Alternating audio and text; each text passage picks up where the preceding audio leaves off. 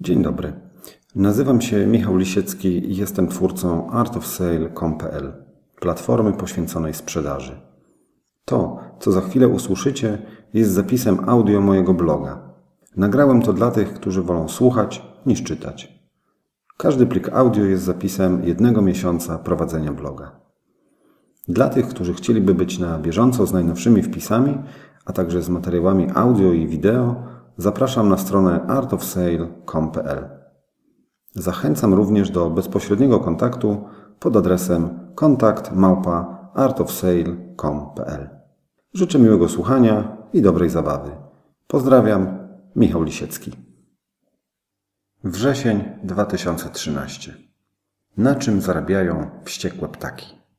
4 wrzesień 2013.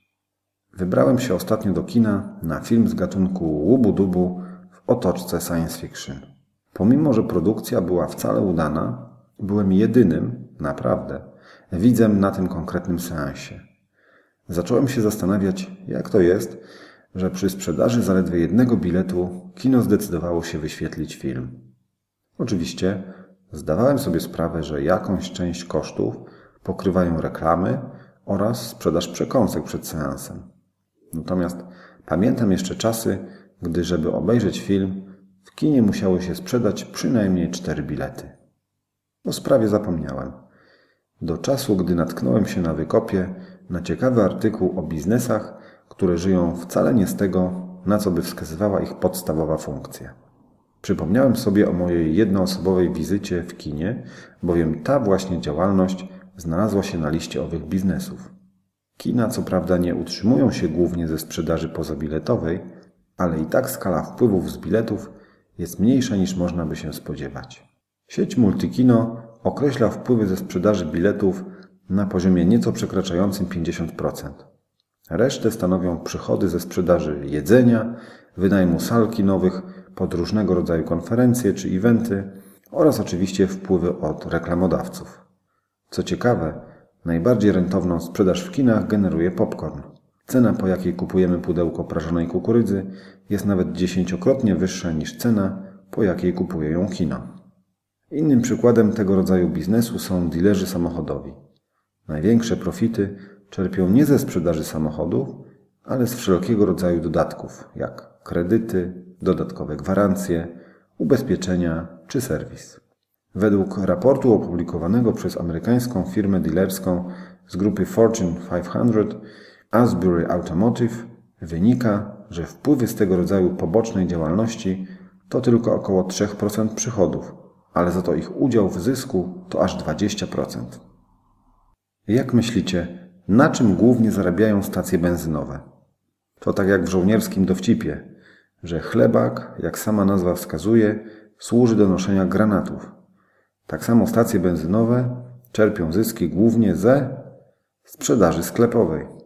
Wszelkie przekąski, napoje i generalnie wszystko oprócz paliwa, co znajduje się na stacjach, daje aż do 75% całkowitego zysku. Dlatego, wbrew powszechnej opinii, właściciele stacji benzynowych wcale nie cieszą się z podwyżek cen benzyny, ponieważ wówczas maleją ich zarobki. Dzieje się tak dlatego, że klienci po zapłaceniu za droższe paliwo oszczędzają na innych, tych właśnie najbardziej zyskownych wydatkach. Kolejny przykład. Z czym kojarzą nam się Gwiezdne Wojny? Oczywiście przede wszystkim serią filmów o przygodach rycerzy Jedi. Wszystkie filmy przyniosły jak dotąd około 4,3 miliardy dolarów ze sprzedaży biletów kinowych. Wyobraźcie sobie, ile wtedy kina zrobiły na samym popcornie oraz 3,8 miliarda dolarów ze sprzedaży filmów na DVD i innych nośnikach.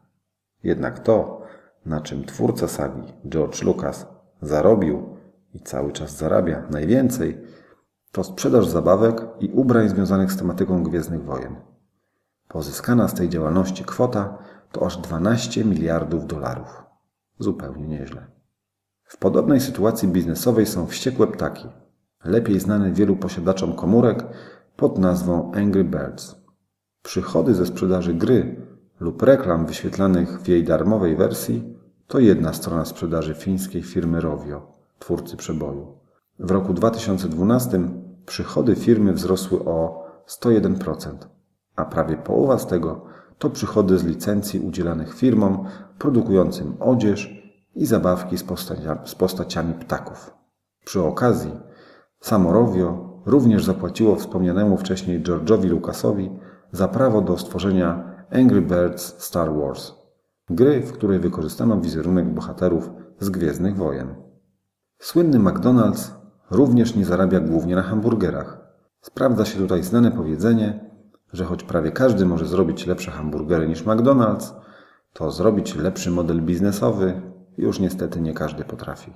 Chodzi o to, że w ostatnich latach marża firmy wynosiła 16 do 18%, podczas gdy średnia marża w branży żywnościowej to 2%. Jak McDonald's tego dokonuje? Jego główne źródło zysków to czynsze i opłaty franczyzowe za prowadzenie działalności pod charakterystycznym logo. Dlatego też czasem można usłyszeć, że nie jest to firma działająca w branży hamburgerów, lecz nieruchomości. Warto zdawać sobie sprawę z przedstawionych wyżej przykładów, ponieważ możemy wyciągnąć z nich wnioski dla własnej działalności sprzedażowej. Na przykład, wiedząc, że nasz produkt wymaga okresowych przeglądów, możemy proponować klientom produkt po normalnej cenie, a przeglądy za niskie opłaty lub odwrotnie. Produkt za grosze, a potem czerpać zyski z przeglądów.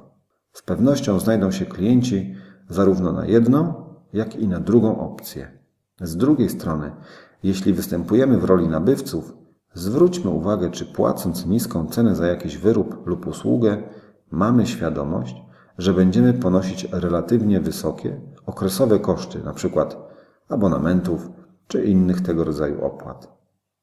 Jeśli zatem następnym razem usiądziemy w kinie z pudełkiem popcornu na kolanach, pamiętajmy, że płacąc za bilet ponieśliśmy w miarę normalne koszty.